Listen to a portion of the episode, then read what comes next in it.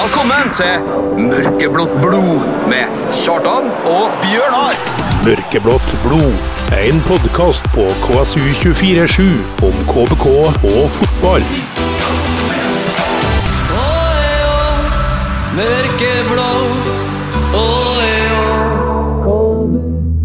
Endelig tilbake med en ny sending, Bjørnar. Endelig. Endelig. Eh, dagens sending. Kort, eh, korte stikk. Vi har, eh, vi har gjest. Propper. Kortest stikk med en propper. spekka eller propper. Ja. Ja, Samme er. Det, jeg fant ut en ting jeg var på jobb i dag, vet du. I dag òg. Ja, faktisk. Jaggu. Det er søndag. Ja. Eh, jeg fant ut at eh, jeg har begynt å drukke mye mindre. Begynt å drukke mye mindre. Ja. Og så Kutta ned til drikkinga. Det er Litt sånn Lars Berrum-snakking. Ja. Men jeg, så satt jeg og tenkte på sånn altså i dag, da, hva har jeg gjort på helga? Så det er jo ikke noe forskjell, for jeg vet, jo- jeg, jeg vet jo ikke hva jeg har gjort på helga. Du glemmer uansett. Ja, jeg gjør det. jeg Ja, men jeg syns du er modig som deler. Ja. Lytterne setter sikkert pris på at du vil snakke om det her. Um, jeg må snakke med noen om det. ja. Men de sier at det å innse at du har et problem, det betyr at det er bedringens vei. Så.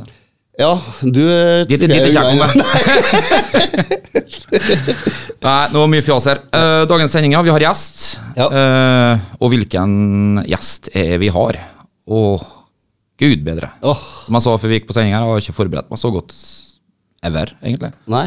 Så ikke at vi har holdt på en mannsalder, altså, men Eh, for jeg forventer jo ganske mye av deg i dag, da. ja, jeg må opp i ringene. Ja. Um, ellers så må vi ta for oss uh, en tur til Koteng Arena. ja. Uh, mye lovende der. Jeg fikk ikke sett kampen, gjorde du? Jeg, da måtte jeg ha adresseavisabonnement, og det Én krone for 30 dager. Jeg tenkte, det har ikke jeg råd til. Ja, men så de, de, de, de, Det lurer jeg ikke, for at de, du glemmer. meg ikke? De der. Nei, der vil jeg ikke gå på inn. For du, går- du går ikke inn etterpå og sier opp. Så plutselig bare når du skal stå og betale noe, så faen, hva er det? Nei, jeg må trekke 197 her, ja. Ja. Så jeg går til Molvik, må huske på å avslutte. Å ja. En intern en. Støtt podkasten Mørkeblått blod. Gå inn på Vips, søk opp KSU247 og velg å bli mørkeblå supporter. Alle bidrag går til mer innhold og mer podkast. KSU247. Det var en eh, gammel klassiker fra Eurodance-segmentet, som du kjenner godt til fra Ronald-dagene. Hei Hey ho, Captain Jack. Hadde, må huske på nå at jeg er yngre enn deg. Jeg Jeg bommer alltid på sånn der. jeg. Ja, du gjør det. Eh, til meg så var det eh, mer sånn trends og sånn scooter og sånn. sant? Ja, Captain Jack var litt før her, så. det het fortsatt Eurodance, Bjørnar. Såpass ærlig må vi ikke være. Eurodancer? Euro- Eurodancer. Nei, Eurodance-sjangeren. Ikke trans? Nei, det var ikke trans på den tida. Hva heter hun dama, hun blonda som sang? Hva skal det? Eurodance. Midtfelt. Ja, Men uh, vi har gjest i dag, ja vi har det. og Åh. Jeg håper Altså, det her må skje hver gang, og vi ber om uh, unnskyldning til gjesten på forhånd. Uh, og, du, og du har noen forberedelser du må gjøre, du? Nei, altså, jeg har den i hodet. så. Eh, Hvor mange vers skal du ha? Hvor mange vers? Det er bare ett vers. Ja, jeg må bare sånn at uh, Ja, bare kjør, du. Ok. Ja. Åh, Hopmarkut, han er født rett nedi her. Og når han går til kamp, nynner han på en sang. Det er en vi synger, det han vi liker aller best. Ta herre hans sin sang.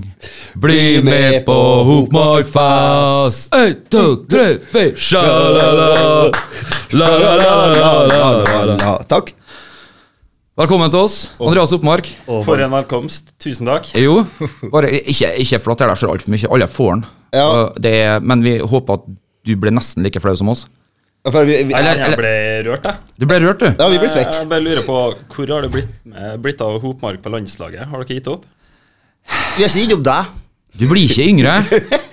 Jeg tar den. Men, men for et par sesonger siden så, så, burde det jo absolutt uh, i hvert fall et oppkall.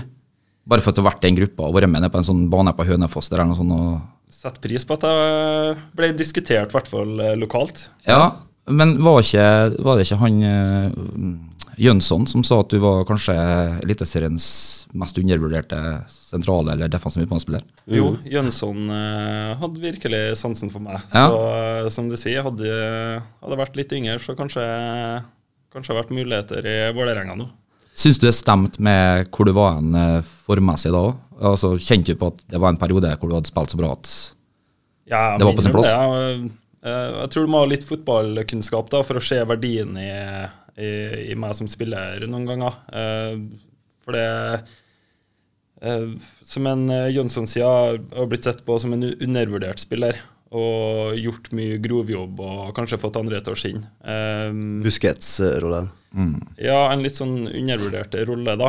Uh, og ja, dem som virkelig følger med fotball, uh, ser kanskje større verdi i det enn uh, mange andre. Så sett pris på sånne ord. Tannhjulet bruker mange som et ord. Ja. Den, Den, den, den grovkoggen. Og utakknemlig rolle.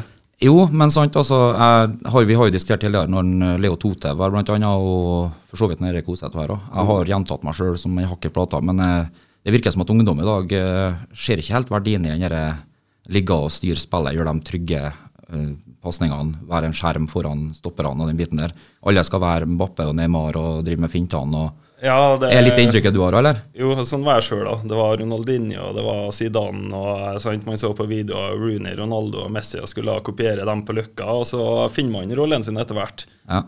Er det litt eh, Er det mye pedagogikk inni bildet? Er en trener du avhengig av som på en måte skal se den evnen i deg og plassere deg dit kanskje litt mot din vilje når du er ung og fremadstormende? Ja, jeg kan jo si det sånn at jeg på ufrivillig vis da har blitt flytta lenger og lenger bak i banen. Jeg starta jo egentlig i hengeren i ungdomstida i KFK. Lå bak spiss og tredde gjennom, og det var jo det jeg så for meg. Ja. Så eh, jo. ja, ble jeg testa litt på dypet, og så eh, fikk jeg plutselig beskjed om å prøve en kamp på midtstopper, og så etter det så har det vært eh, de to rollene som har blitt mest brukt. Men du skal ikke, du skal ikke gjøre sjøl for mye juling angående det, for det har jeg opplevd sjøl òg. Jeg, jeg så meg jo sjøl i tierrollen, men jeg ble flytta mer og mer bakover etter hvert som kiloene kom. og mista Nei, nå skulle jeg ikke si at jeg mista fart. Det gjorde jeg ikke, for jeg har aldri hatt den. Nei. Men, eh, men du, du ser sammenligninga, sant? Ja, jeg gjør det, helt klart. Vi er ganske like spillertyper. Hvorfor sitter du og holder kjeft nå, Bjørnar? Nei. jeg forventa det skulle komme noe. Ja, Jeg husker, jeg, jeg husker du var innom på, på trening en dag og utfordra oss i å triks. Jeg er glad du ikke plukka ut meg, for jeg tror faktisk du kunne ha slått meg. Åh, oh, kan du være gjest hver uke? Kan jeg... Kommer gjerne tilbake. men eh, nå er det nok skryting av, men jeg må huske på Jeg skal sitte i bilen min på vei hjem. Det er litt fem minutter som en Bjørnar skal overleve, tross alt. Men den rollen han har, det er jo sånn som skjer på United. Casemiro. Mm. Det er jo oppskrifta. Party i Arsenal. Ja, Det er jo viktigste spillerne. Nå er du inne på det, så tenker jeg vi kan bare få unna veien med en gang. Ja. Uh, for eventuelle nye lyttere, du hører på Mørkeblått blod med Kjartan og Bjørnar, men nå skal vi snakke litt engelsk fotball. Ja. Eh, må gratulere eh, når vi sitter her nå. Uh, selv om dette går på radioen på tirsdag, så er det søndagskveld. Og ditt lag har nettopp vunnet den cupen som ja, Det er den som endrer mest betydning, alt etter om du vinner den sjøl eller om det er noen andre lag som vinner den. Ja. Helt Så- enig. Så gratulerer med det. Det er Fantastisk å vinne igjen. Og Hadde alle andre klubber vunnet, så hadde jeg dyssa ned. Men, Ja. eh, Da er men, Milk eh, Det er en fantastisk cup. Det har en, en flytende verdi, den cupen der. Ja, den har det. Eh, for at Bjørnar er jo inne på det. Uh, Ten Hag kommet inn og gjort en fantastisk jobb. Uh, og så er det Casemiro er jo et eh, Det er jo ikke akkurat et veldig risikofylt veldig risikofylt signering, men han har jo til og med fått Fred til å fungere. Uh, og da ser du jo det som vi er inne på med din rolle i klubben. Når du får defensiv midtbanespiller til å fungere, da begynner mye å ligne på noe. Ja, nettopp. Eh, Casemiro er en sånn type, eh, som jeg nevnte innledningsvis, som eh, spiller andre god, får andre til å skinne, og så ja, har han jo vært fantastisk sjøl òg. Så ja, det har vært en klassesignering, og viktigste signeringa Ten Hag har gjort så langt. I, tillegg, I tillegg til å få i gang Rashford igjen. da. Det er litt urettferdig mot Wout Weghorst, tenker jeg. Han, eh, han eh, ser ikke alltid like fantastisk ut, men eh, han river og sliter og bryter ned motstander, da, og så åpner rommene seg til slutt, og da kommer Sancho inn, og ja, så har man liksom litt eh, å spille på til slutt òg. Ja. Liksom plan A, plan B, plan C hvis ting ikke passer før laget møter og litt sånn. Du ser litt mønster, at det er ikke spissene som er toppskårere. Altså, se bort ifra Haaland, liksom. Det, det er kantene. Ikke? Ja, men det er jo den eh, Nyfotballen. Ja, men det er jo den spillestilen, tenker jeg, som, uh, som Klopp fikk til å fungere med Mané, Firmino og mm. som nå ikke fungerer når du ser at han må bytte ut en del folk der, og da er jeg ikke like innprenta lenger. Så det er jo, Mange sa at Firmino var en dårlig spiss, men uh, det han gjorde for at vingene skulle få muligheten til å komme til avslutninga, er jo undervurdert. Det er jo akkurat samme som DM-rollen, liksom. Det, det er ingen som ser den. Nei. For De forventer bare at han skal skåre mål. Hvem var var jeg Angelotti eller noe sånt? I hvert fall en trenerlegende som en gang i City sa at hvis du ser på kampen Barcelona mot et lag, så ser du ikke Busquets, men ser du på Busquets, så ser du hele kampen. Ja, Det er jo en litt sånn det er sånn gode ord. Ja, det er jo det. Dypt. Ja, veldig. Um, vi har jo, som med alle våre gjester, gitt deg litt eh, hjemmelekse før du kom. Eh, Du skal gi oss en drømmeelever. Ja. Nå har jo Nå har jo karrieren din vært eh, ganske stasjonær, altså jeg tenker jeg geografisk. Men Ja. eh, du har jo vært med ei stund. Så du har Jeg har vært med en stund og spilt med mye gode spillere, så jeg må innrømme at det var, det var noen tøffe valg her. Og Ja. det ble en del valg mellom eh, hjerte og hode òg. Ja, Jeg tror det blir romantisk for min del, i hvert fall. det blir sikkert. For jeg har jo vært der siden egentlig du slo gjennom. Men blir det også sånn at du må, du må måle spillerne opp imot den æraen det er? Altså opp imot om det er en Ja, regional ja, Ja, eller om det er Jeg har egentlig bestemt meg for å, å gå etter hodet, da. Og satt opp de elleve spillerne jeg mener hadde et høyest toppnivå, Ja. som kunne ha blitt et best mulig lag på papiret. da. Det blir spennende. Ja. Og så skal vi ha det som vi har døpt om fra ei drøy historie til ei god historie. Ja. Så det er mye sukker her. Og som sagt, jeg har en del ting sjøl jeg skal gjennom. Og så skal vi ha 101 ord du trodde du kunne, og vi skal ha fotballsitat. Vi skal ha spørsmål. Ja, du skal ha spalta i. Ja, det, det skal også. Det er quiz til dere to.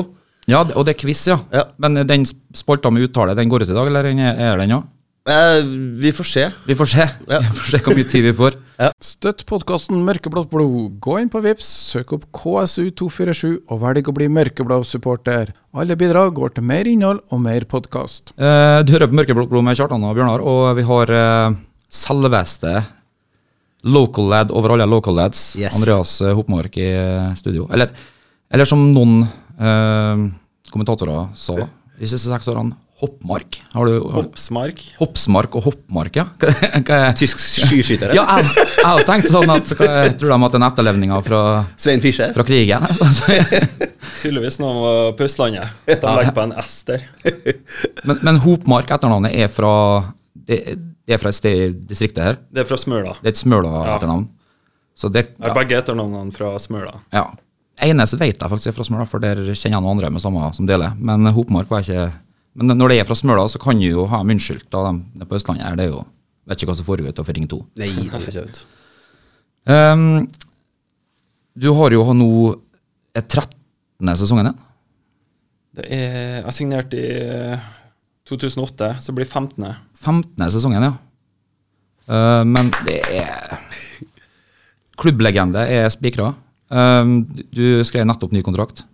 Det stemmer. Var det noe Var jeg mye Måtte gå noen, mange runder med meg sjøl? Var det noe tilbud? Var det noe Nei, jeg vil ikke si det at jeg måtte gå mange runder med meg sjøl, nei. Um, men uh, det var en litt spesiell eh, situasjon, da. Vi hadde jo akkurat rykka ned, uh, og det er mange faktorer som spiller inn her. Uh, så det er jo kanskje grunnen til at det tok eh, den tida det tok, da.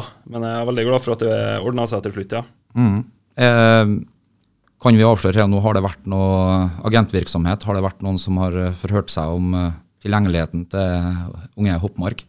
Det er mange, overraskende mange som bruker Instagram. Eh, dukker opp eh, fra tid til annen, det altså. At det er folk som vil ha kontakt fra det nære og fjerne. Men eh, jeg har en agent eh, som har brukt i prosessen, ja.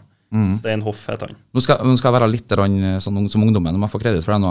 De, de, hadde- de hadde altså slida, slida into your DMs. Er det? Er den, ja. ja. Men det er ikke artig når du spør om kreditt. Nei, det er akkurat det. Det er lenge siden jeg har blitt slida into eh, DM-en på, skal jeg til å si. Men det er vel fruen fornøyd med? Det er jo helt sikkert veldig bra. At det kun er agenter. At det kun er agenter. Hvem du snakker med nå? Agent, agent altså. Ja, agent. Jeg håper den slipper ikke unna med det. Um, gammel KFK-er.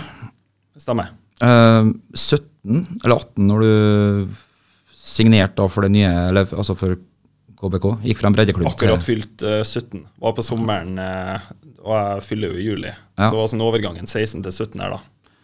For uh, ifølge i hvert fall fotball.no, så er, det står jo første sesong KBK2. Jeg vet ikke om det Ja, det stemmer. Jeg brukte jo et par sesonger på å spille meg inn til fast plass på A-laget. Så Mm. første sesongen så spilte jeg mest tredjedivisjonsfotball med KBK2. Og har gode minner derfra. Vi vant faktisk tredjedivisjon, men kunne ikke rykke opp pga. at uh, førstelaget var i andredivisjon. Nettopp. Er det, det var akkurat det jeg lurte inn på. Uh, Brukt to sesonger fra 17 til 19, da. Ja, nish, Ja, ish, da, ja. da spilte jeg fast. Er det, har du inntrykk av at ungdom, eh, unge spillere i dag kanskje er litt utålmodige? Ikke skjønner at eh, du må legge ned jobben og det kommer over tid? Ikke nødvendigvis, men jeg tror at situasjonen er endra, i hvert fall i KBK. Da eh, Da jeg vokste opp i andredivisjon, så, så var jo litt andre rammer. og Det var fortsatt en, en klubb som var i en tidlig fase. Mens nå, nå har vi vært i Eliteserien noen år, og de som kommer opp nå, får på en måte kjenne litt på det. Og det er klart at man eh, Det gir jo mersmak. Man blir litt mer utålmodig og vil kanskje slå igjennom eh, eh, så fort som mulig, da. Mens man tar seg kanskje litt lenger, litt mer tid når man er litt nede i divisjonene. Kanskje kvaliteten på A-laget er mye bedre og sant, i forhold til det var når det var andredivisjon.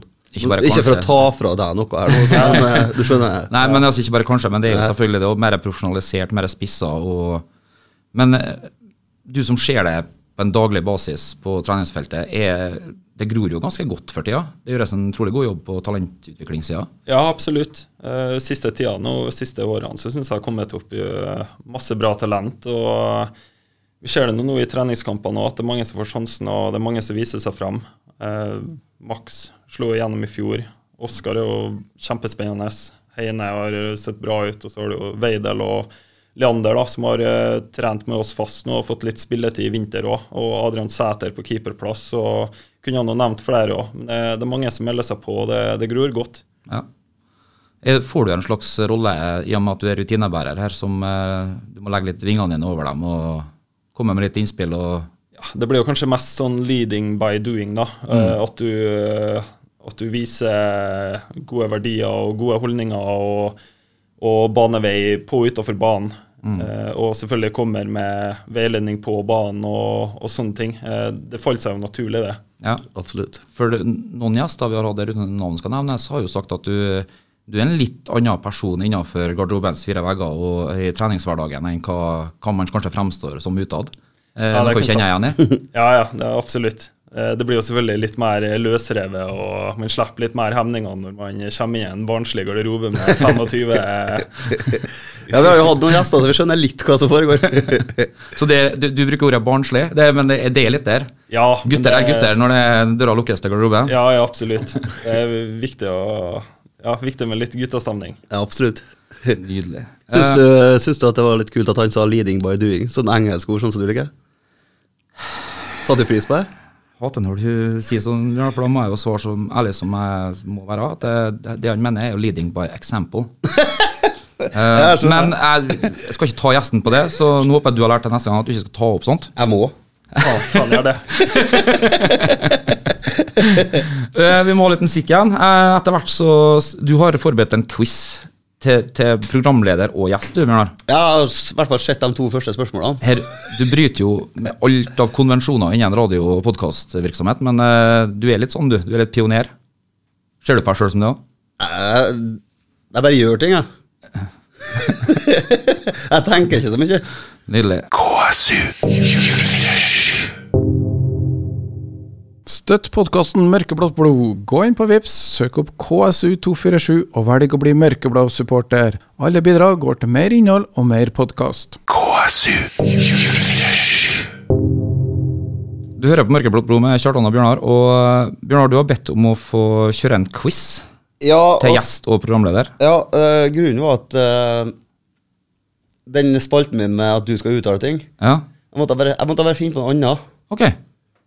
Mikser opp a bit.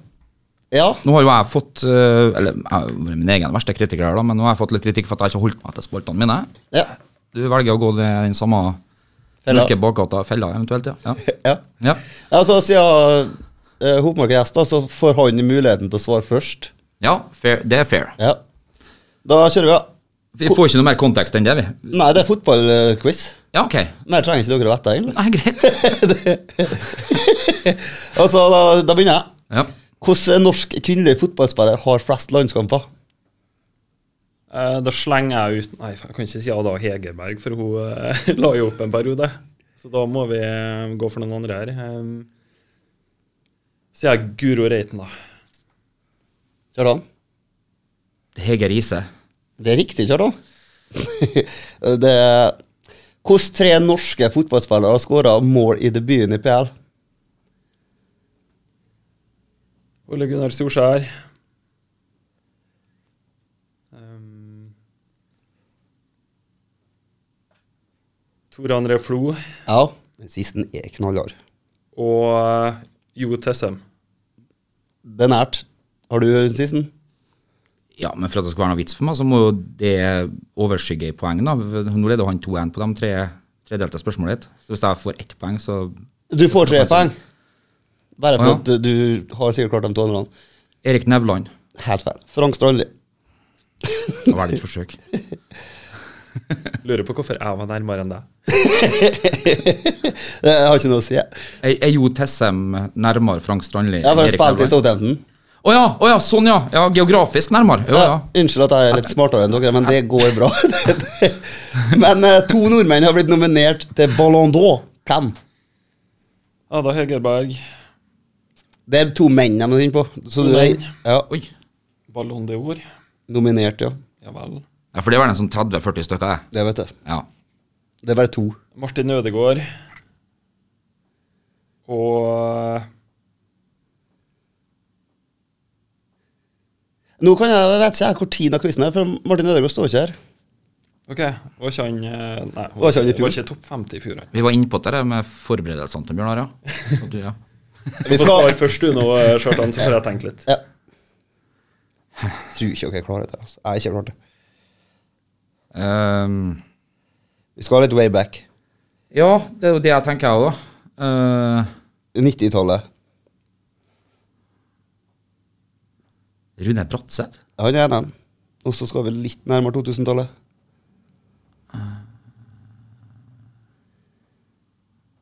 Erik Mykland. Nei. Spilte Jon Carew? Nei, jeg spilte eh, Rosenborg. Mye Rosenborg-kamper. Champions League. Sentral midtbanespiller. Bens Kommelsrud. Yes.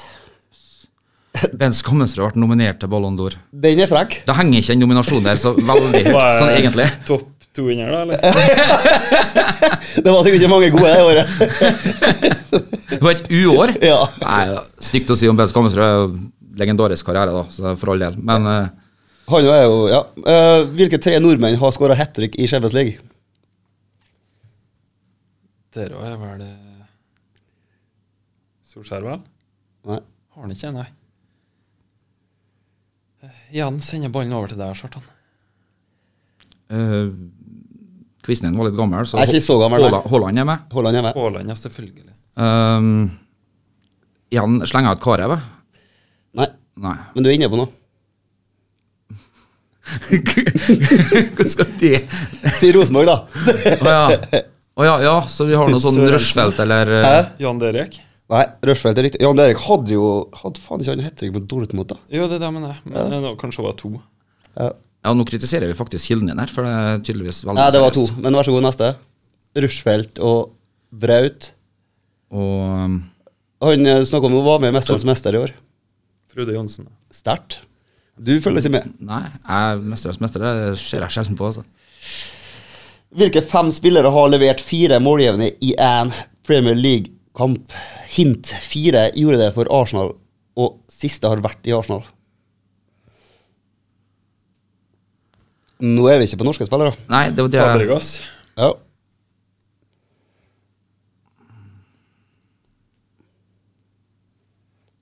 Alle er Arsenal-spillere, egentlig. Henry. Nei. Bergkamp. Bergkamp, ja. Ja. Jungberg. Nei. Pires. Nei. Det er to spanjoler og en fra Togo. En spanjol og Adebayor. avdød. Hadde vi hørt, ja. Reyes. Yes. Ja. Har vi ikke fire? Ja, Det var fem. Det var det var fem. fem, ja. Spanjol. Ganske lav. Silva. Sante Casola. Sterkt. Casolla, ja. Hvordan fire spillere har vunnet Champions League to år på rad med to ulike klubber? Er to? Ja. Hvor mange var det, sa du? Fire. Fire stykker. Så er to på rad med to forskjellige. Um, ja, men den er, den er tricky. Skal jeg si lagene de spiller på? Ja. Ene Marseille og Milan. Andre Juventus og Dortmund. Jean-Pierre Papa. Nei. Marseille og Milan. Sisten United og Barca. Piquet. Ja. Du sa Marseille og Milan. Milan. Milan. Og Og eh, Juventus og Dortmund.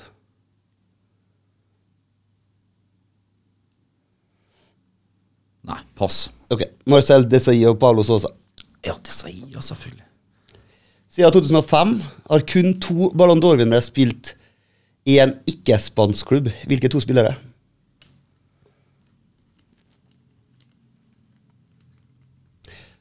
Kaka. Canavaro. Kaka Det er riktig. Canavaro var ikke riktig. Nei, men uh, Um, det stemmer ikke her.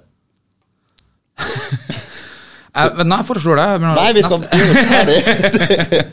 Eh, neste gang skal jeg forberede meg med det. Ja. Eh, Cristiano Ronaldo den andre. Altså, er sikkert bra. Men Braut var jo med, jeg skjønner ikke dette. Men uh, la oss gå videre. Hvilke seks spillere har skåra flest PL-mål? Hvilke seks? Norske. Å ja, seks norske, ja. Ja, det er noe Solskjær er en av dem, sikkert. Ja. Uh, Har du noe innspill? Seks PL-mål. Nei, seks norske spillere, og så hvem Ja. har skåra mest, liksom? Solskjær. Haaland er nå allerede opp der. Ja. King. ja. Tor André Flo. ja. Da har vi fire. Karev. Ja. Østenstad. Nei. Iversen. Iversen, ja. kanskje. Yes. Og da må jeg betale for eh, hvis jeg skal ha flere. Så takk for meg. Men altså Nei, jeg syns du var flink Bjørnar. Det var bra, bra initiativ. Ja, men ta, bare tatt litt på sparket, kan du si. Ja. Sånn som det meste jeg gjør. Så jeg glemte jo å sjekke hvilket år denne quizen var fra. Mm. Og det tar jeg på egen kappe. Men uh, hvem var som vant? Har du eh, summert sammen poeng? Eh, nei. Hopart vant. Mark Jeg fikk svar først på alle spørsmål. Nei, da er det spørsmål fra lytterne, da. Ja, men jeg tror vi må spille litt musikk først. Må vi? Ja, vi er nødt til det, for det er noe med sånn radioteknisk Ja, faen, det er du som er tekniker, ja. Ja, jeg er produsent, kompis. Det Kompis. Ja. Støtt podkasten Mørkeblått blod. Gå inn på Vips, søk opp KSU247 og velg å bli mørkeblå supporter. Alle bidrag går til mer innhold og mer podkast. Vi skal ha eh, spørsmål til Andreas fra, fra våre kjære lyttere. Mm. Skal vi bare fyre oss til? Ja, det er ikke noe å vente med. Vi, vi starter på toppen. Svein Erik Gregersen. Eh, hvordan eh, var det for en ganske sjenert Karjala-gutt å for første gang i livet komme i en A-lagsgarderobe med bohemer som Grego, Jonne, Frodevik? Du fikk jo skikkelig livets skoleutdanning der. Jeg tror det var Ok, det var ett spørsmål, ja. Jo, det var overveldende, det. ja, det var ikke like spennende å komme på mandagstrening, for da fikk du høre hva de hadde gjort på i helga. Og det var ikke alt som var like kjent territorium for min del når jeg kom opp som 14-åring i Asdalen, men eh, det var, nei, det var artig tid. Og da måtte Andreas vokse opp fort. Og da er jo legenda i Kristiansunds uteliv. Ja, ja, ja. Greg har eh, vært med meg i mange år, så fin fyr. Ja, da, det er en trygg, trygg Hva heter det? Skute. Du snakka om her før vi, mens vi spilte musikk, at eh, du og Gregor bytta roller som PT når dere får trene sammen. Er, har uttrykket 'den døve eller den blinde' noen gang eh, slått dere? Vi prøver å ikke tenke sånn. Bra. Dere, dere er positive i tankegangen? Veldig positive. Ja. Og så fortsetter jeg. Jeg tror det var livet på vei fra bortekamp der en på KBK-turer historien var magisk for en ung gutt på 16, der du ble streetsmart. Jeg vet ikke om det er en spesiell hendelse han eh, prater om, 16, men sånn, på generell basis så kan du si at det klinka godt i posene på vei hjem fra borteturer, ja.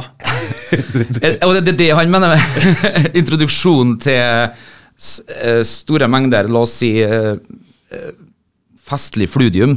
Ja. Uh, Og så har han skrevet KBK istedenfor KFK, sant? så jeg ble litt uh, psyka ut. ja, ja, men det den må vi ta fra han, Grego. Det, ja. Ja, altså, jeg tar, det er min feil. ja. Ja.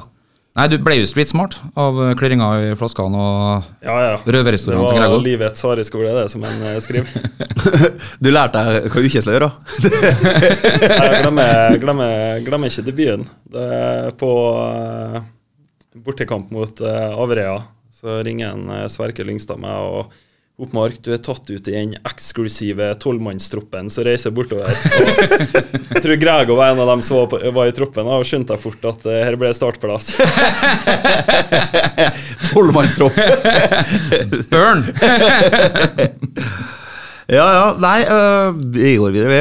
Uh, Maria Ellingsen. Beste K-minne foruten opprykket til Eliteserien? Å bli fullsatt Ullevål da, med United på motsatt banehalvdel.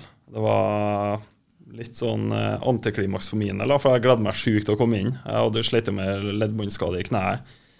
Så jeg skulle liksom få siste ti sekundene av avtalt med dommeren og Hopmark skal komme inn, og så ikke spille nok til at han kan skade seg. Så et tegn ut til når han kan komme inn. Så får vi tegn da. Neste stopp i spillet kan Hopmark komme inn, for nå skal jeg blæsse av snart. Og så skårer Mata på straffespark, og jubelen sitter løst for alle United-fans og sånn, og så kommer jeg liksom inn uten at noen bemerker det. Rekker å ta et avspark, og that's it. Jeg gleder meg litt til hyllest fra fullsatt Ullevål Nå vet ikke jeg noe om TV-sending, men du fikk, ikke, du fikk ikke engang en sånn 'her kommer unge hoppmark'? Eller? jeg fikk ikke hoppsmarken. Du fikk ikke hoppsmarken engang, nei. Ja, og så neste fra øh, Maria. Hva betyr uglene for denne herremannen? Alt. Altså, uglene er KBK.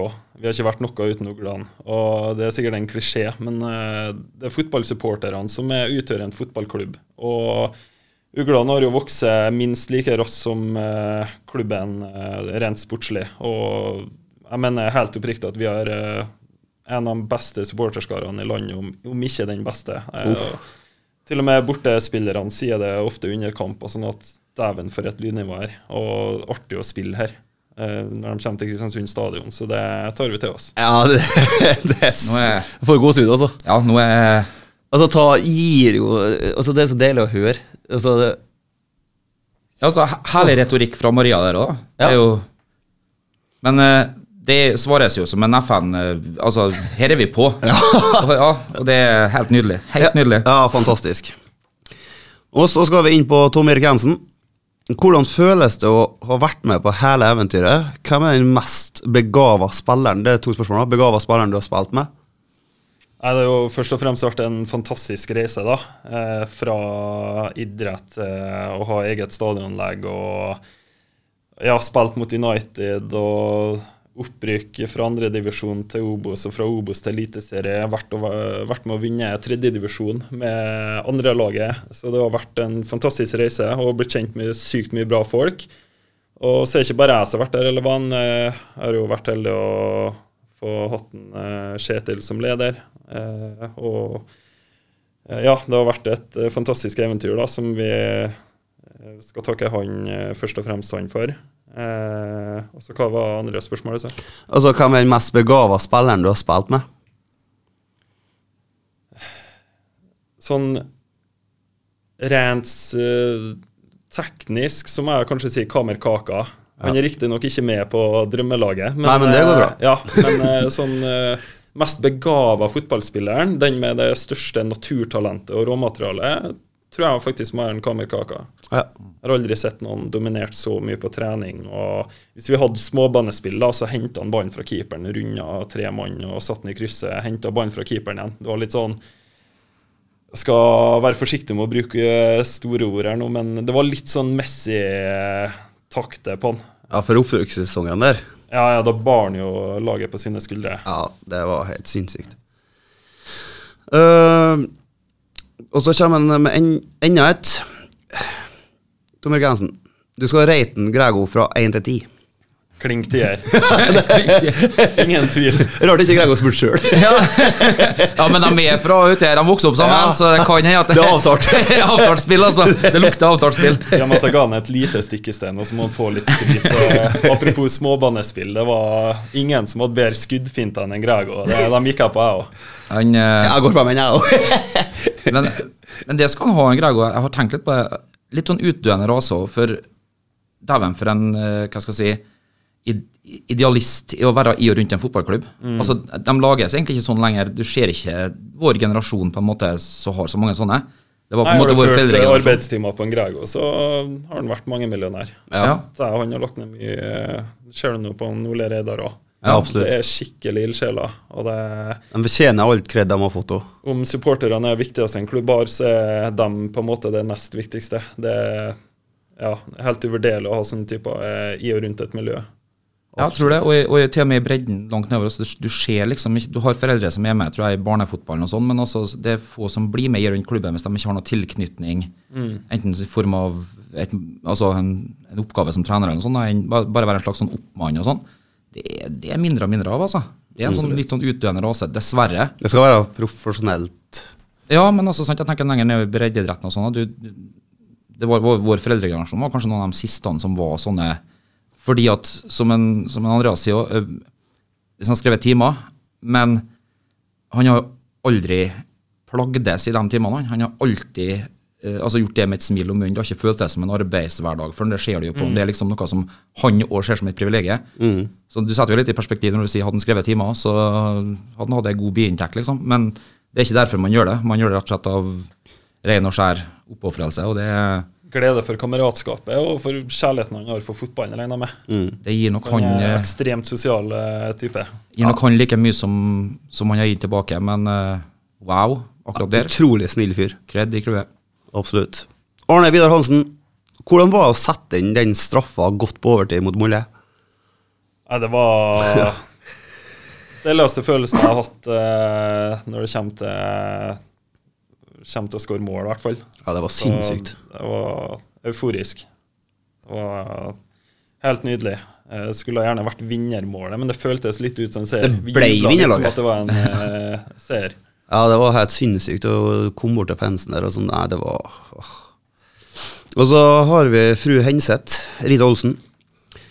Er, er vi den tolvte mann, eh, eller betyr vi bare sånn passe for kampens utfall? Men det har du jo på en måte svart på, da. Ja, var jo litt innpå det i sted, men eh, det kan absolutt være sånn at supporterne vipper det i vår favør. Det, det er en grunn til at ofte lag spiller mot supporterne sine i andre omgangen, for å få liksom det momentumet inn mot kampens slutt. da. Så nei, supporterne betyr alt. I, jeg- i litt i forlengelsen av det. eh, Er noen som altså Sånn som Heine nå virker som å være den nye som kommer inn som er litt sånn krigeraktig. For siden Kastrati for herfra, så har vi ikke Det er ikke så veldig mange som Og nå er jo en Aasbakk ut ennå. Og det er jo Det er dem to jeg husker som har gjentatte ganger hatt den derre Kom igjen, da! Det er liksom Fyre litt opp. fyre opp. sånn, ja. Ja. Men det, det tror jeg kanskje vi lærte litt av i fjor, da. At vi, at vi ikke var kyniske nok, og at vi ikke var jævlig nok. Og, og det er litt sånn eh, Jeg tror dere kommer til å se mer over i år. Det er flere spillere som eh, har tatt det litt til seg, og det er flere tror jeg, som kommer til å vise de holdningene. da, Den passionen. Og det, vi merker jo på trening òg nå, så har vi innført et sånt poengsystem eh, som gjør at vi eh, teller opp poeng etter hver ukt, og at hver ukt skal bety noe. Det blir ofte liksom eh, ja, litt eh, situasjoner på trening og kjefting på dommer, da, som ofte er sånne Nyland. Og det, det blir mer fyring, da. Takknemlig jobb. Det regner jeg med vi kommer til å ta med oss inn mot kamp òg. Ja, Det det ligger litt mer opp mot den lista for nesten overtenning, ja. At du skal Ja. liksom jobbe opp mot At der. vi ligger litt på, i grensa der. Mm. Ja, for det, det er trenere gjennom fotballhistorien som har sagt det, liksom at han foretrakk heller at det var en gang i måneden en sånn clinch som skjedde, at noen gikk i tottene på hverandre, og så ordna vi opp på garderoben som var ferdig med etterpå. og Sånn, men heller det enn at det ikke er opp mot det i det hele tatt. Ja, altså, Du ser det jo i større klubber. F.eks. For største forskjellen på United nå er kanskje den passionen. Og så ja, med Mar Martinez bak der og Casemiro og folk som jubler når de takler, ikke bare når de skårer mål. Og sånne typer trenger man. Absolutt. Indrejustisen skal styre litt hvor mye du legger i det òg. Ja. Det du ser stoppere juble for taklinga, sånn, det er fantastisk å se på. Ja, jeg er helt enig. Sånn, Så Tom Erik Jensen igjen. Fisjan fra Svensson eller Fisjanbua? For å være helt ærlig, jeg spiser, spiser ikke Fisjan. I sted så spurte han om jeg skulle ha sagt noe om det med Vålerenga, og sånt sted, men, men jeg tror kanskje faktisk mer krise å begynne å si at eh, du ikke spiser Fisjan. Det gjør det ikke heller. Vi Vi går- eh, så som hører feil. kan jo ta oss og redigere bort det siste her nå. Ta oss i spørsmålet. Nei da. Og så det kommer en eh, Paul Obos. Uh, hvor mye er kapteinene med i prosessen å vurdere spillere som skal komme på et prøvespill? Ja, det har vi teknisk sett ingenting med. Men selvfølgelig, du kan Hvis du vet om en bra spiller som er tilgjengelig, eller et eller annet, så kan man komme med innspill. Men uh, det er ikke sånn at vi eh, er med å vurdere det, nei. Nei. En, uh, apropos bare sånn, Uh, borti Mordor over fjellet, så var jeg jo, jeg leste jo en artikkel om han Hauganen som Ja, ja. kom. Han måtte jo nesten han måtte slide inn i DMs til sportslige ledere i, i Mordor og, for, å, for å få seg inn. Og så ble han kåra av supporterne eller andre spillerne som årets spiller nå i Ja. serievinner, altså tittelsesong. Så Kan jo komme noen gullkorn. ja, for han hadde vært og møtt en eh, som da tydeligvis har spilt med tidligere, han um, Wolf Eikrem. Ja. Og liksom bare tatt en kaffe og burde jeg kanskje liksom Så det kan jo hende at han har spilt litt i kulissene og Ja, Det trenger ikke å være mer høytidelig enn at uh, sånne ting kan skje. At man er litt frampå og sender en melding. Det må ikke være gjennom agenter alltid. Det går an å sende på en melding sjøl. Man har ikke noe å tape, i hvert fall. Sikkert mange talent og gode spillere som forsvinner der i prosessen, at de ikke Jeg tror jo at det Andreas sier, da, det caterer veldig til egoet til en del av disse supporterne som er i og rundt uglene og sånn òg, som, som mener dette med liksom Altså de er mot altså against modern football. Og alle disse agentene og rådgiverne og sånn som driver og ødelegger små unge sinn. Altså, det snakkes mye om psykisk helse, og sånn, unge spillere blir ødelagt tidlig. Og, for det, det er jo mye sånn press. altså Det er greit at det kan være Du hører sånne historier om litt sånn uhøytidelig at jeg snakker med, og så er det ja, kom og prøv deg. og så det, det tar kanskje litt ned den der- Ja. den trenden i tida. Jo, jo, absolutt. Eh, er det lettere å snu skuffelse etter tap etter du fikk barn? Ja, absolutt. Eh, Etter jeg fikk barn, så man, får, man finner ut at det finnes viktigere ting i livet, da. Og når du spiller kamp, så er jo ingenting du heller vil enn å vinne, men du får ikke, du får ikke gjort noe med det etter kampen uansett. Så da hjelper det alltid å komme hjem til en unge som, som driter litt i hvordan det går. Bokstavelig talt. Ja, ja, ja. Han kommer hjem, og, kommer hjem til jubel uansett, liksom. Ja. Eh, Så får jeg bare være skuffa og sutre når jeg ikke er med. Ja, Han bryr, seg- bryr seg ikke. Jeg innbiller meg at jeg har hørt ganske mange trenere ha den samme synspunktet på det der med Har du en spiller som er ung og ung, ungkar spellemann ennå, kontra en som har slått seg til ro, Etablert seg. etablert seg ja. det, er noe med, det er sikkert noe med den mentale restitusjonen, som du sier. Komme hjem, se ungene på Jeg litt så er plutselig kampen litt glemt. Det tror jeg kan være på godt og vondt. Mm. Eh, absolutt. Mest eh, godt, egentlig. At Ja. man kobler av når man er hjemme. Ja, med en gang sånn. Gir oppmerksomhet til dem eh, de fortjener, dem hjemme òg. Du Kan ikke komme hjem og slenge fotballskoene i veggen, veggen og være forbanna. de hadde sikkert forstått meg om jeg hadde gjort det òg, men eh, ja, selvfølgelig. Man må Bomstil. være litt avbalansert, ja. ja. Altså, du fikk æren av å bli intervjua mye i fjor rett etter kampslutt. Ja, du gjorde en god figur, Paul. Eh, hvor vrient er det å stå der uten å si noe dumt? Eh, Var det pga. din ro at det var akkurat du som ble valgt ut til å utføre dette? Eh, slik at det ikke kom noe idiotisk ut, liksom? Nei, det vet jeg ikke. Godt spørsmål, egentlig. Ja, eh, nei, de eh, Det pleier enten å være en spiller som har utmerka seg, eh, hvis du skårer vinnermål, eller hvis du gjør en bra prestasjon, eller noe, så pleier de å plukke deg ut. Ellers er det ofte kanskje en eh, type sånn kapteinstype, eller eh, ja, eh, jeg har nå vært med lenge, da, eh, og begynner å bli rutinert, og det er kanskje interessant å høre mye vinkling, da. Ja, absolutt. Ja, nei, det, du var flink. Og så Nå er vi litt inne på noe som jeg liker. Altså, Botkassa. Er det noen som allerede nå har begynt å fylle den opp til tur mot slutten av året? Sånn at de allerede kan vurdere utafor Skandinavia, liksom. At det blir, Ja. det blir sydligere strøk, det ser vi. Ja, altså, vi ligger, vi ligger ute til Las Vegas. Vi har noen eh, sterke bidragsytere, og Kan vi nevne navn? Ja, selvfølgelig. Eh, Binni eh, har bidratt en del. eh, Og eh, Isaac Annan, stakkar, han, eh, han har fått kjørt seg nå i februar. Fått eh, mange luker på seg i firkant. Og, eh, så jeg tror jeg kanskje må gi en passordet til den innloggen, så han får litt oversikt. Ja, altså Hva er den mest tullete tingen du kan få bot for i årets sesong? I årets sesong eh, Da må jeg nesten eh, ta en snartere innom. Han er tydeligvis administrator. Han Ja, er jeg er bordsjef, så jeg burde egentlig hatt stålkontroll på bøtene, men nå har jeg ikke satt så mange siste. Jeg, Han har ikke vært, jeg har vært med på å utforme paragrafene. Eh, Jeg liker at du har bordsjefen i studioet. Ja, det er litt fint. Nei, Det er jo alt for at du ikke møter opp til forskjellige ting. da, eh, At du får uh, tunneler på ei firkant og unødvendige gulkort. Uh, at det ser rotete ut i garderobe, prepprom, alt sånt der. Har på feil antrekk. Uh, bruker mobil når du ikke skal gjøre det. Men alt er jo innafor. Har du Ja. noe sånn eh, trening i sokker som ikke er eh, Det utstyr. Ja, ikke, ja, ja, sånne ting. At du trener i feil eh, kit og sånn, ja. Eh, og så har vi mm, Hvis du er ny da, og nekter å gjøre en opptreden da, når du kommer, her, da får du ei stygg bot. Ja, det, ja, men det er Det er på sin plass. og bør. Ja, Du absolutt. Du skal synge. Ja. Er, det, er det mange som står på lista der nå for uh, første treningsleir til sydligere strøk, som skal opp Ja, det er alle som er signert, da. Ja. Gjennom eh, ritualet. Opp og synge. Ja, da har de valget enten synge eller ta bota. ja, det Jeg sanger sju av sju, altså. Og så bør Sander Nyland få bot for bruk av et profilbilde på Twitter med Hødd-logoen på jakka si, egentlig. Ja, det var bra vi påmerka. For han har eh, vært ganske pliktoppfyllende i fjor. Eh, Da førte vi opp en del bøter på han, og han vippsa meg ved årsslutt. Så eh, hva vi skal sette den på, så får jeg si at det er deres sitt ord. Ja, nei, den er ikke billig. Det er en lapp, det.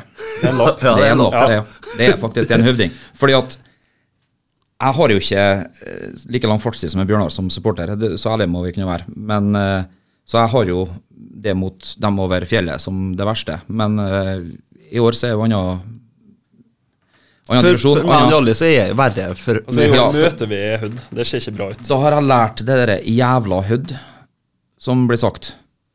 Ja, var- jeg, jeg, jeg kan jo ikke relatere meg så mye til det, hva- hva opphavet til det, det hatet er fra, men jeg har skjønt det, og jeg respekterer det, og da mener jeg at eh, en høvding er innafor. Ja, for eh, det har vært noen møter med Hødd opp igjennom. Ja, absolutt. Han, eh, ja, han skal få kjørt seg på den. Ja, det er bra. Og så kommer hun eh, Rita igjen. Kan man gi faen i et intervju etter kampslutt og bare si akkurat det du føler, for at det, det er ikke For at det ikke er jævlig vanskelig å svare så politisk korrekt tap etter tap som i fjorårssesongen? To forskjellige vinkler her. Pøl Paul var fornøyd, og jeg som kunne ha tenkt seg litt mer eh, Ja, men altså, følelser. Nei, jeg er, jo, jeg er jo litt sånn bygd eh, som person, kanskje. At jeg, jeg prøver hele tida å ha en konstruktiv vinkling på ting. eh, og ikke og det liksom det å stå og rase foran kamera og alt sånt der, det eh, Ja, det er på en måte ikke meg, da. nei. Så hvis du har spontanreaksjoner og følelser og sånn, så er sikkert eh, greit å få dem ut. Men eh, jeg pleier som regel å puste med magen og ha sånn rimelig kontroll på følelsene mine. Og da, da kommer ofte det, det mer pedagogiske ut. No, noen har jo eh, tatt til orde for, altså fotballeksperter og sånn i de forskjellige mediehusene og sånn, har jo tatt til orde for at det er en litt sånn urettferdig ting, det. Å stille spillere, veldig sånn vilkårlige spillere spørsmål rett etterpå, når du ligger der på 190 i puls, og, og du kanskje har akkurat mista noe på, på målstreken, liksom, og du skal gå etter, og så skal noen stille, stikke en mikrofon opp i kjeften på deg og spørre hva svata her, liksom.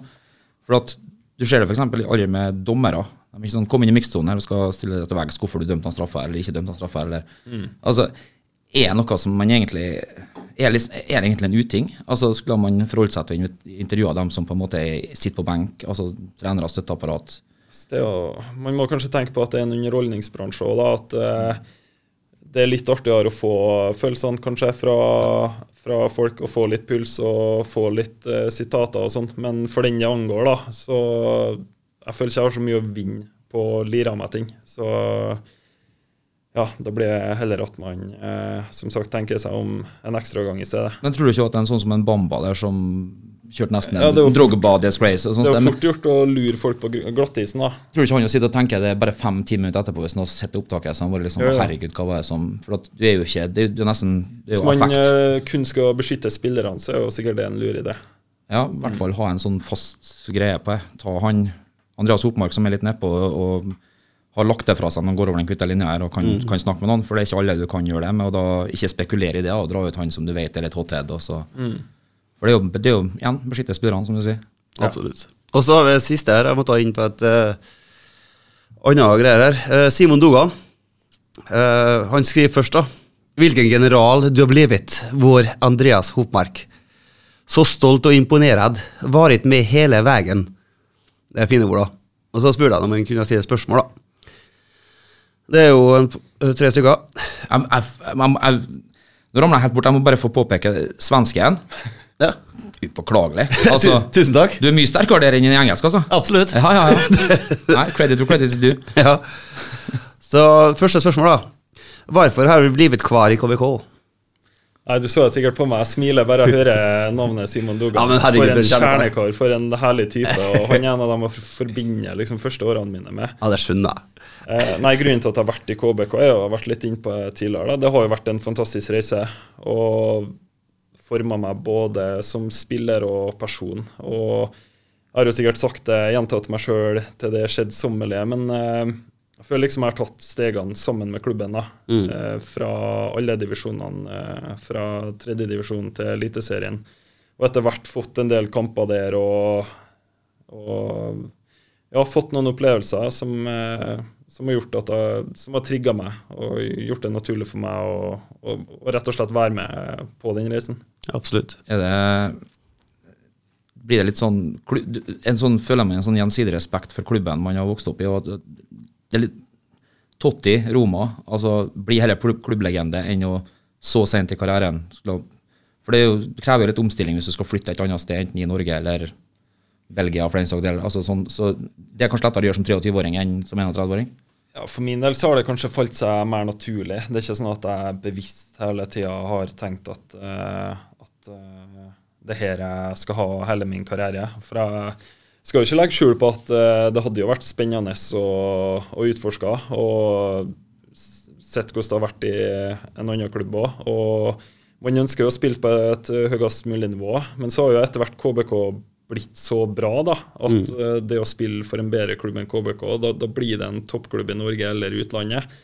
Og ja, det har ikke det har ikke, det har ikke blitt sånn for min del. Nei. Han eh, spør jo litt om det her og Har det Har det funnet andre klubber i diskusjons, diskus, diskusjonene? Ja, nå begynner det å flytte ut litt, Bjørn her, men Ja, jeg, altså, det var lange ord! Jeg, har ikke, jeg jeg har ikke kontroll på om noen har visst interesse ovenfor KBK. Eh, det må kanskje noen andre svare på. Eh, men nei, det er ikke noe konkret å melde. Det er ikke Nei. sånn at eh, Man kunne alltid vært kynisk og gått ut en Bossmann-kontrakt og Ja, søkt seg bort. Men eh, det har ikke falt seg naturlig for min del. Det hadde vært Enten veldig så- Ja, det har vært Det var litt veldig, i strid, veldig i, i strid med personligheter, sånn som ja, jeg så jeg tenker enten så, enten så gjør det så bra at du blir henta, og så får klubben litt igjen for det, eller så, så har jeg forlenga. Det i hvert fall sånn det har blitt. Ja. Det er hele V-svaret. Og hvor nære landslaget har du vært?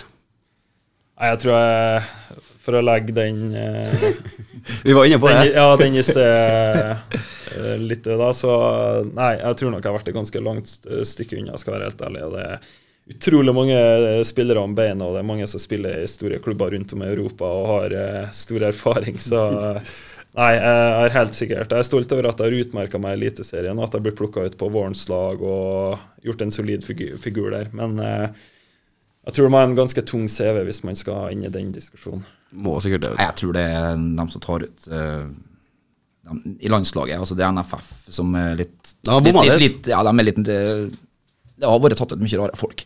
Nå er siste spørsmål. Skyt. Uh, hvilken fotballspiller har vært din forbild? Satt den. Eh, Da svarer jeg Zinedine Zidane. jeg husker fortsatt eh, VM 98 når han skalla inn to mål. Jeg var sju år og satt opp sent til kveld for å se på. Og ofte når jeg var ute på grusbanen, så var jo kopieren Zidane. Han var sju år, Kjartan. Ja, var- Feeling old yet? ja, nei, Zidane er jo Det, det er fasitsvaret. Altså, Ja. hvor enkelt man fikk det til å se ut. Ja, rett og slett. Uh, Sånn Fløyt over banen selv sjøl om du ikke hadde den der fysikken som Altså sånn hva skal jeg si, sånn atletfysikk i dag, sånn som de gjerne må ha for å, for å være så mange hestehoder foran andre. Men Fotballen har jo utvikla seg såpass at det hadde vært interessant å sette den på en måte under dagens omstendigheter. Men han er jo kanskje den siste av sin uh, art da, som har dominert så stort. Men hadde den ikke blitt sånn som eh, Nå, nå må vi høre at sammenligninga kommer. Sånn som med unge Hopmark her, da, at den blir på en måte fra den tieren ned til en DM isteden. Så hadde han jo til og med klart seg i dag. Det kan hende at uh, han kanskje måtte ha hatt en litt dypere rolle, men uh, Dirigent, jeg, jeg, defensivt. jeg har såpass stor uh, tiltro til en Zidane at jeg tror han er herja i dag òg. Ja. Støtt podkasten Mørkeblått blod. Gå inn på Vips, søk opp KSU247 og velg å bli mørkeblå-supporter. Alle bidrag går til mer innhold og mer podkast. KSU247. Vi eh, har besøk av Andreas Oppmark i dag. Det har vi. Og eh, vi har lært utrolig mye om eh, han og Karenas i KBK. Han har sikkert lært mye om oss. Ja, Eh, på godt og vondt. Nei da. Eh, men vi må innom noen noe faste spalter som vi har her i Mørkeblått blod. Som du har, ja. Jeg gleder ja, meg. jeg, jeg sier jo vi som et kollektiv. Da, vet du. Det, det er ikke noe I in team. Ja, men du gjør jo ikke det ellers, så hvorfor skal du Men vær så god. Jeg må bare se bort på Andreas. Jeg tror han, han er like hoderystende satt ut som meg. Det er knoll og totter. ja. Eh, jeg har gjort det for vane å lese opp eh, 101 ord som eh, du trodde du kunne. For at som Bjørnar påpeker, vi er ikke ute på sånne familieturer lenger, og da kan jeg ikke ha andakt på søndagen. Nei. Så da blir jeg tatt her isteden. Mm. Uh, ordet i dag er spleiselag. Spleiselag, et kjent begrep nylig relansert av DNBs Rune Bjerke da bankene ble pålagt av myndighetene å øke egenkapitalen. Bjerke mente at bankkundene måtte bidra med penger til spleiselaget for at kundene skulle få mer kapital.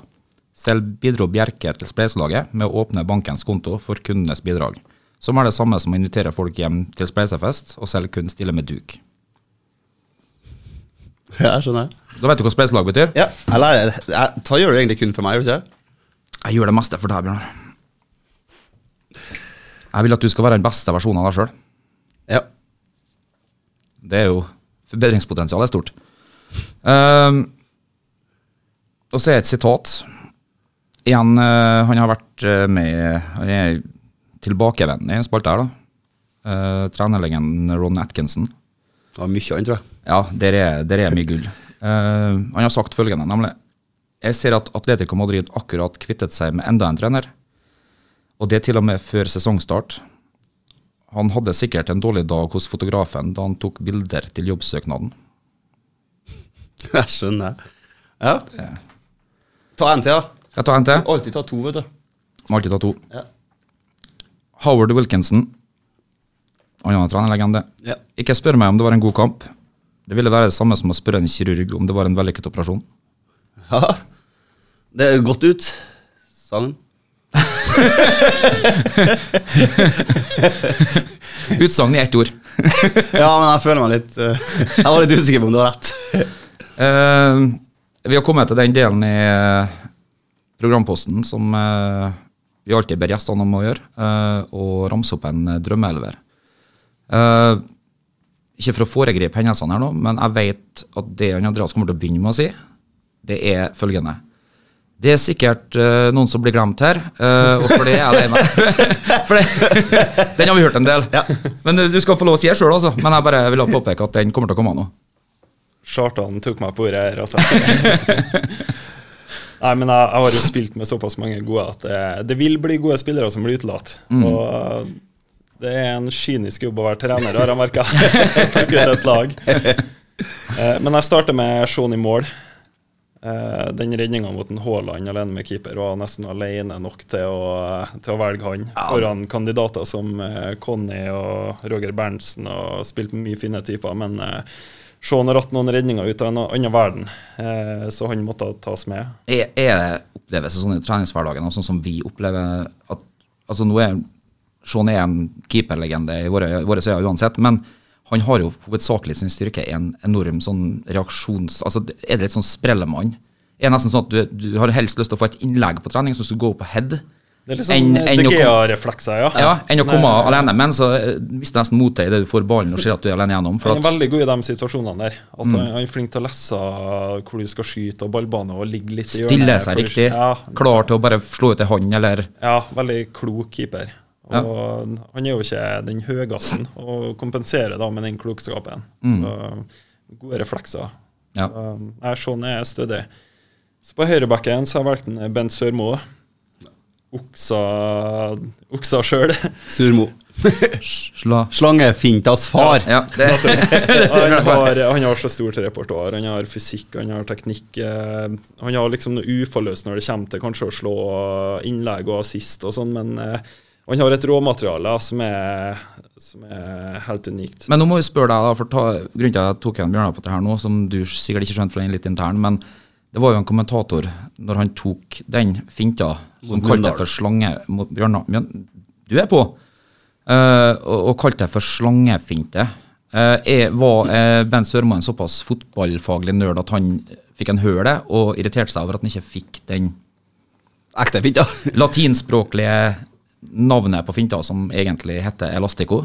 Nei, jeg tror, jeg tror, tror han tok den. Jeg tror Han han likte, han likte navnet. Ja, okay. Slangefinta var originalt, det. ja, originalt, ja. Du kunne gjemme deg bak at det var, det var ikke Ja, ja. hørt før, så Ja, sant. den var hassig. hastig. Ja. ja, han blir forbindet med den.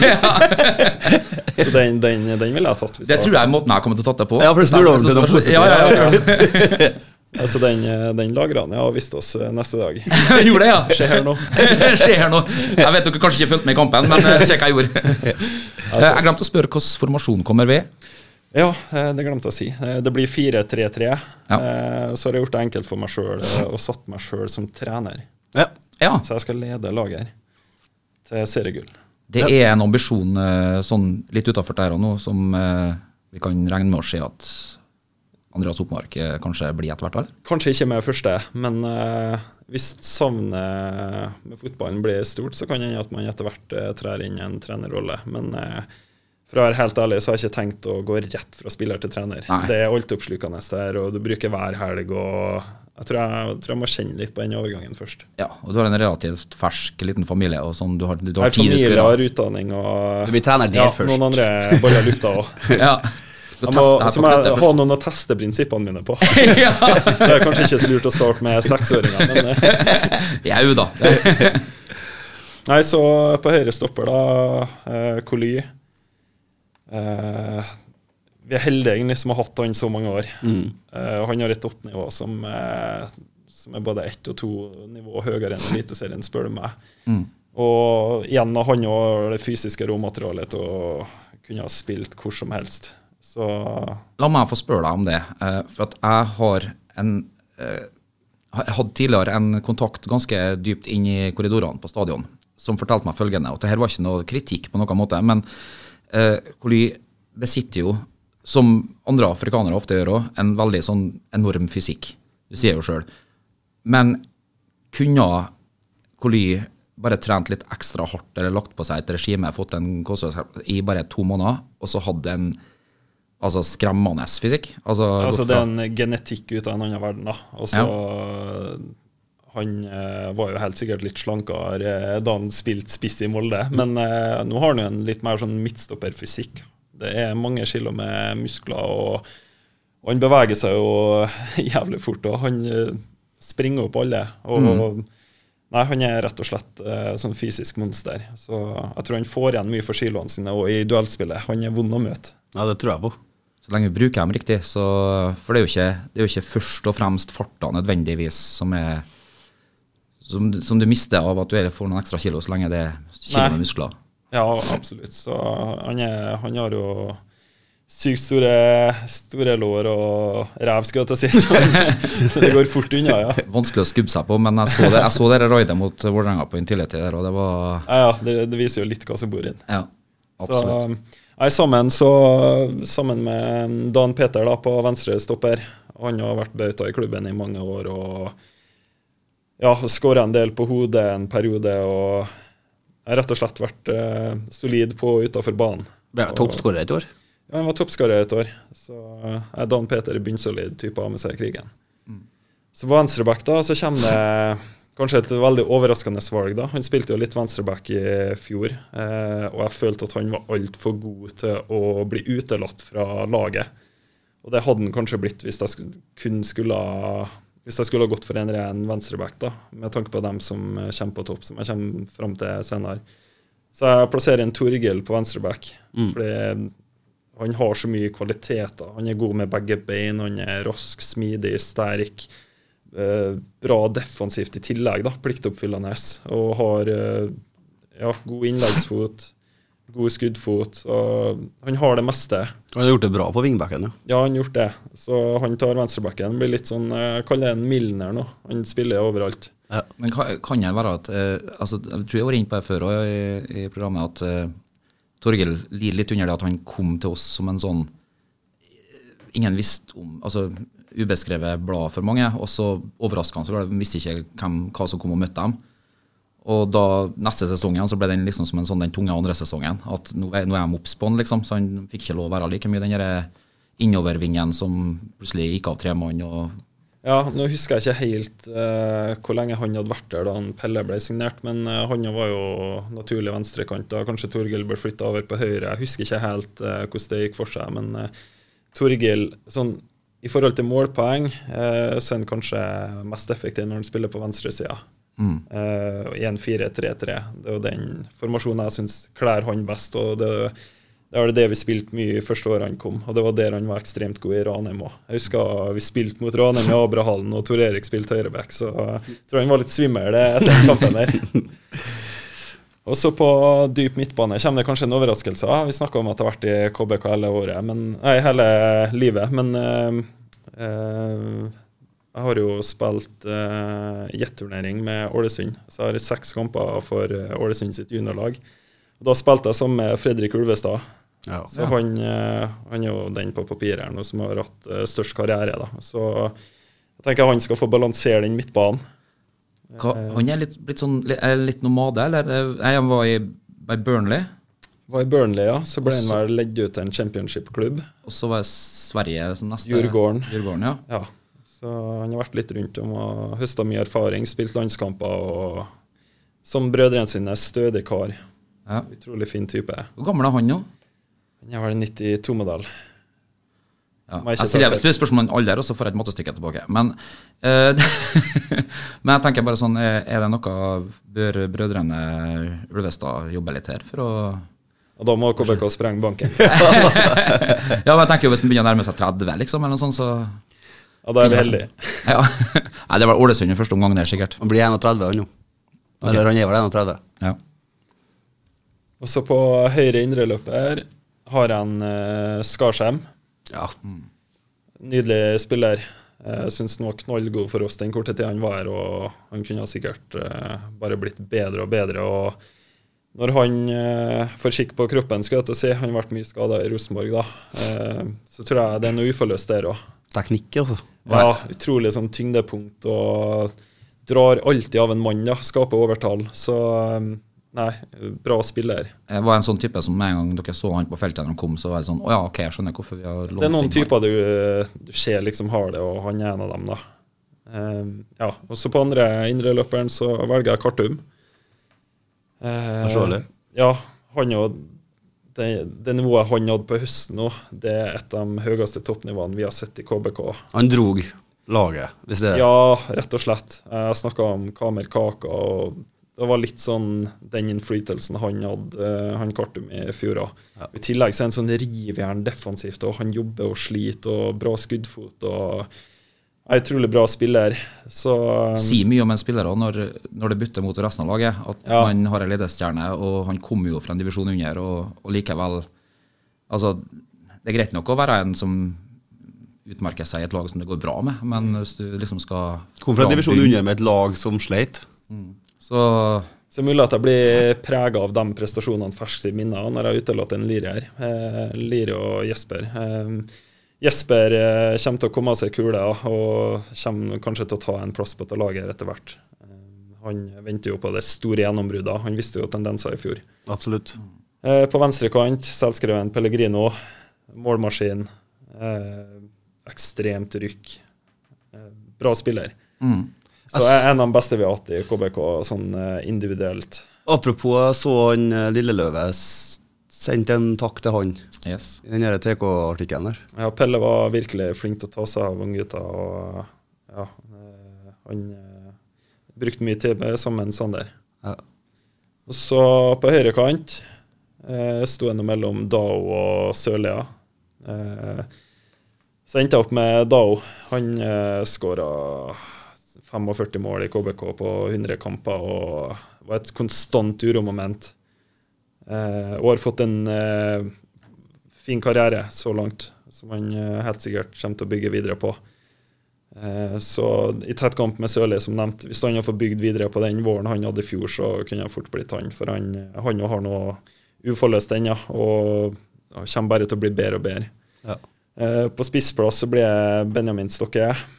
Eh, ser det nå òg, når han kommer inn i gruppa. Han eh, rett og slett en bra, klok fotballspiller. Spiller alle rundt seg god. Og- Veldig hyggelig fyr. Ja, tvers igjennom fin ty type òg. Så um, Nei. Um, ja, når det er sagt, det har gått gjennom elveren, så, så um, Ja, veldig sterk elver på papiret. Mye gode individualister og Ja, ta laget her har gjort det bra. Ja, om de gjort det. Tror jeg òg. Og så i og med at du er en klubbspiller av rang, så det er jo en del spillere her som altså de, de relasjonelle ferdighetene de har jo kommet til å være ligget på plass der med en gang. Du har ikke trengt å på en måte spille dem gode sammen. Det systemet det, kjenner de til stort sett. Sett bort fra Gjertsen, og så har alle funnet sin rolle på dette laget her. Ja, jeg tror han uh, Ulvestad eller, Fredrik altså, han har gått eh, lett inn der. Han hadde jo hatt en bror bak seg, så Ja. spilte han ganske rart. Så det har ikke vært noe problem. Nei. Nei, det er ta et slagkraftig lag, ja. Uh, honorable mentions er noen uh, Du var vel inne på Jo, og så Jesper. Jeg skulle til å si eh, Jeg utelot meg sjøl fordi at jeg, jeg tar uh, trenerjobben uh, for å gjøre det litt enklere for meg sjøl. Og da glemte jeg å nevne at uh, da ble Erlend min assistent. Fordi jeg og Erlend har jo spilt sammen i nesten alle årene jeg har vært der. og Uh, i et drømmelag så er jo egentlig jeg, Dere er kompiser ja, jeg og Erlend er selvsagt i et uh, drømmelag, liksom. Så jeg tenker vi leder det laget her. Da blir det ikke drømmetrenerteam Og i så kommer Jesper og Sørli kommer seg kule og spiller seg inn på dette laget her eh, etter hvert. Ja. Jeg har bare et kort spørsmål for Jeg vet at det er mye her i dag, men det har ikke noe å si. Folk liker det. Ja, det. uh, We're si- having a good time. si litt kort om uh, nysigneringene pluss Rakneberg, egentlig. Eh, Det har vært kjempepositivt. Um, alle kommer inn med, med giv, energi og eh, Jeg føler liksom sulten eh, Sulten er skik skikkelig tilbake i KBK. da. Du ser det i treningskampene det- Vi er skjerpa, vi har trent hardt. Vi er skikkelig revansjesugen, og de har jo absolutt bidratt til det. Så jeg syns det ser kjempebra ut. Ja, altså Treningskampene har jo sett ut som gode, gamle KVK, liksom. Jeg syns det har sprudla. Eh, ser jo selvfølgelig Treningskamper preges jo av mye bytter, og man mister kanskje litt relasjoner og sånn underveis i kampene, men jeg syns liksom det laget som starter, eh, har alltid levert gode førsteomganger. Binni ser sterk ut. Binni ser knallbra ut og har vært en av de beste på trening. Er det, du som har vært med hele veien nå, er, ser du noe markant endring i hvordan Kristian legger opp forberedelser til denne sesongen her, i og med at den divisjonen er? Eh, kanskje litt annen type kamper, andre lag. Vi kanskje har en annen, utgangspunkt mot lagene som kanskje legger seg litt mer det vi har vært litt mer bakpå tidligere. Er noe, ser du noe i treningsarbeidet fra dag til dag som er litt annerledes? Jeg tror sånn På generell basis så vet jeg at eh, er utrolig opptatt av å bli litt bedre hvert år, han òg.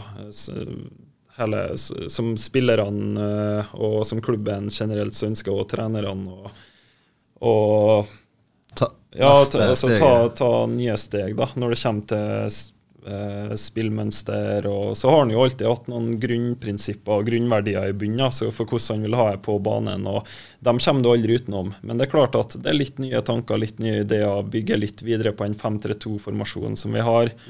Eh, ja, jeg ser allerede at vi har begynt å øve litt på noen eh, trekk da, som jeg syns vi har lyktes godt med i kampene så langt. Med F.eks. med Binni, da, at han har, han har mye kreativ frihet. Han kan droppe litt ned i mellomrom, mens Benny ligger og strekker og kriger litt med stopperne. Du ser det gode indre løperbevegelser, og vi angriper mye med backene. Så det blir spennende. Ja, Det ser jævlig sterkt ut offensivt. Altså. Ja, altså alle, alle jeg snakker med, uh, for det, det er jo alle så trenerne ute der, som alle har en Ja, ja. mening. Ja. Men det er sjelden jeg kan, jeg kan ikke huske så lenge jeg har vært med som supporter, at jeg, dem du snakker med, har en sånn innstilling om at jeg tar seg bra ut. Og ikke bare på bakgrunn av resultatet i treningskamper, men altså ja, oppdekking på nest, av alt av posisjoner, og, og hvordan, hvordan det er samspill til tross for at det har vært litt For det er kanskje det som kicka litt for at det ikke kom i gang så godt som det gjorde i fjor. Fordi at både skader og at nye folk måtte finne relasjoner som man egentlig ikke hadde tid til å finne. Og så var jeg kommet til sommeren før det liksom var samkjørt. Ja, nettopp. Det, det er alltids eh, indre faktorer og sånn, sånn ytre påvirkning som man ikke kan gjøre så mye med. Da. Sånn akutte skader og sånn kan fort komme igjen. Eh, men eh, jeg håper fjoråret har, gjort, har på en måte gjort oss sterkere og, og ført med seg mye læring òg, som vi kan ta med oss, sånn at vi er enda bedre forberedt til sånne situasjoner kan oppstå. Da. Ja, og- Selvfølgelig akutte skader som er vanskelig å gardere seg mot, men Jo da, der har vi alle fått, andre faktorer kan der har vi fått inn en. Thomas Rytter, så der, det skal ikke skje like mye på som tidligere. Det har jeg fått Bekrefta. Ja da, det, så det er i orden. Det er ingen fare. Um, vi må ha litt musikk igjen Ja. før vi får ei knallgod historie. Det, det ble lang, lang sending der, men eh, Det er en local lad. det er en local lad, Ja. og det syns jeg han fortjener. Ja, og det fortjener lytterne også at det er lang sending. Yes. Uh, hva annet var det som ikke har gått gjennom på noen playlister eh, til en, eh, Andreas? Sett på Mumford Sons nå. Det er koselig. Var på konsert med dem i New York, eh, og uten at vi visste det, så var Stine gravid. Så vi satt og drakk eh, øl, sider og passivrøyka hasj oppi en sånn i Madison Square Garden. Så den har jeg gode minner med. Oh, min, eh, min kjærlighet eh, til Andreas Oppmark ble bare større her nå. Støtt podkasten Mørkeblått blod. Gå inn på Vips, søk opp KSU247 og velg å bli mørkeblå supporter. Alle bidrag går til mer innhold og mer podkast. Du hører på Mørkeblått blod eh, med Kjartan og Bjørnar. Gjest i studio er selveste Andreas Oppmark. Og vi har kommet til den delen av programmet som Eh, Vi har ikke kommet riktig dit ennå. Å, nei. nei. Uh, Nei. jeg må Jeg liker at du informerer meg. Holder meg. Ja. Ja. jeg er jo co-host. Ja, du er det, vet du. Så jeg må bare minne på litt grann at uh, Radiovenn har vi nå sett det. Yes. Uh, det handler egentlig om å bare støtte opp litt rundt Mørkeblått blod. Eh, gå inn på sidene våre, finne ut uh, Jeg skal legge inn på nytt igjen. Uh, der står det 300, men det er bare å legge inn en valgfri sum. Ingen tvang. Konseptet er altså valgfri radiolisens, Ja. for å sette litt sånn i perspektiv. Ja. For det her drives uh, Profesjonelt. Det er ikke alt du skal Vi skal avslutte setningene til hverandre, Bjørnar. Men uh, nei, jo. eh, men det drives på veldig sånn idealistisk grunnlag, og eh, vi har ingen ambisjoner om å bli rik av det her, men eh, det er greit å få litt støtte. Ja, for når vi begynner på liven, vet du, så mister du en time eller to på arbeid, sant? Fast hver tirsdag. Det må jo dekkes opp. Ja. Så den går ut til alle våre trofaste lyttere. Ja. Um, da, Andreas, har vi kommet dit at uh, vi skal dele med lytterne noe som eh, gjennom en 15 år lang KBK-karriere har uh, festa seg som noe av det artigste som har skjedd. Kom igjen nå. Ja, du legger, eh, legger stort press når du sier artigste som har skjedd, men eh, ja, det har vært utrolig mye artig som har skjedd opp, opp gjennom de 15 årene. og- Som tåler dagens lys, da, tenker jeg. Ja, det er mye som ikke egner seg på trykk. eh, og det her er jo ikke det artigste som har skjedd, eh, men det var, det var litt fliring, da. Eh, vi var jo på Marbella i fjor på treningsleir, årlig leir. Eh, og så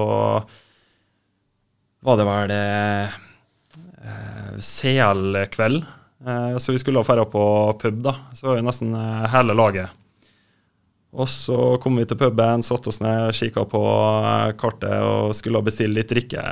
eller Brus og kaffe, da, selvfølgelig. I og med at det var, det var dagen før kamp, eller to dager til kamp, så jeg var tett på, så det var omgjort å ha strikt regime. Eh, så tenkte jeg ok, jeg har lyst på en kaffe. Så satt vi på Irish pub, da. Så tenkte jeg at eh, jeg kjører alt den svarte, kjedelige kaffen, så jeg, jeg må ha noe litt mer spennende, da. Eh, så hadde jeg aldri prøvd Irish coffee før. så eh, jeg sa jo, jeg sa jo til en Sjona, Sean da Ja, Sean, du er jo fra Irland. Den Irish eh, coffee, er den bra, eller? Ja, det syns jeg du skal prøve? Ja, ja det syns jeg vi skal prøve. Nei, så han, han gikk god for den, ja. Ja, Veldig bra den, liksom. Og, ja, så Jeg jeg liker, jeg liker at Sean er på jobb her. ja, ja, så jeg bare Nei, men skal vi ikke ta oss en, da? Så han bare Nei, jeg tror jeg tar en plane, jeg også. Eh, og Jesper satt jo attmed meg overhørt, og han skjønte jo med en gang tegninga her. Og gnidde seg i hendene, vet du. Um, så gikk jeg Så sa jeg til servitøren at jeg, jeg tar en Irish.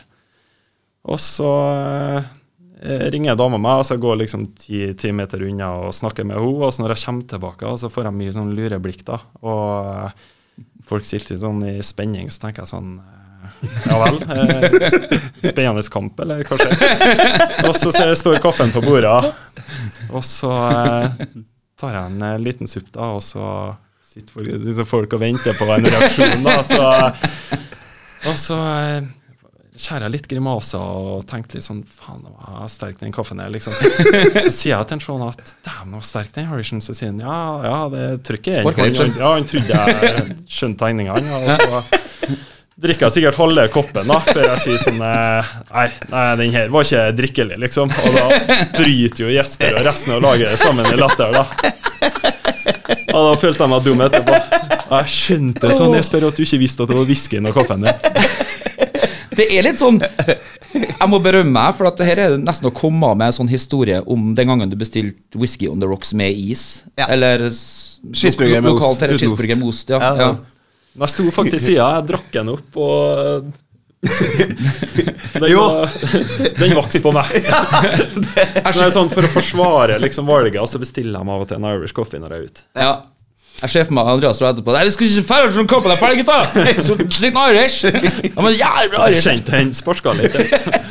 Jo, men det er sånn eh, samme som det. Hvis- Når vi skal øh, opp til Lerkendal eller borti over fjellet, så drikker vi oss opp. sant? Og det første jeg bestiller meg hver gang jeg kommer på pub, det er da øh, kaffe Baileys.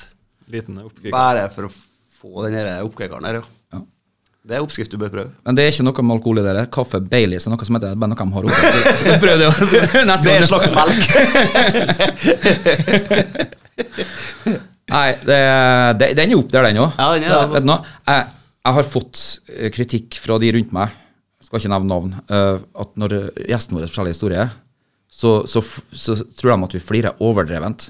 Nei, vi gjør ikke Fordi at vi, har, vi gjør faktisk ikke altså. Nei. Hadde de vært der og sett oss, så hadde de sett at vi faktisk reagerer sånn. Men når du får servert sånt gulls der, da, så Ja, for da, da mener jeg at det, det, Jeg trodde det var det som kom, skjønner når de begynte å snakke om ja, jeg skal ikke ta vanlig kaffe. Og så det, har han bestilt seg en Irish og tro, ikke trodde jeg brennevin nå? altså, Jeg mener det at dem som gir deg kritikk, egentlig kanskje bør tenke over og kanskje dem må bli litt artigere. ja, ikke være så surmaga. Ja. Ja. Og så, Vi flirer ikke så høyt av dem, men det er jo for at de ikke er så artige. Nettopp.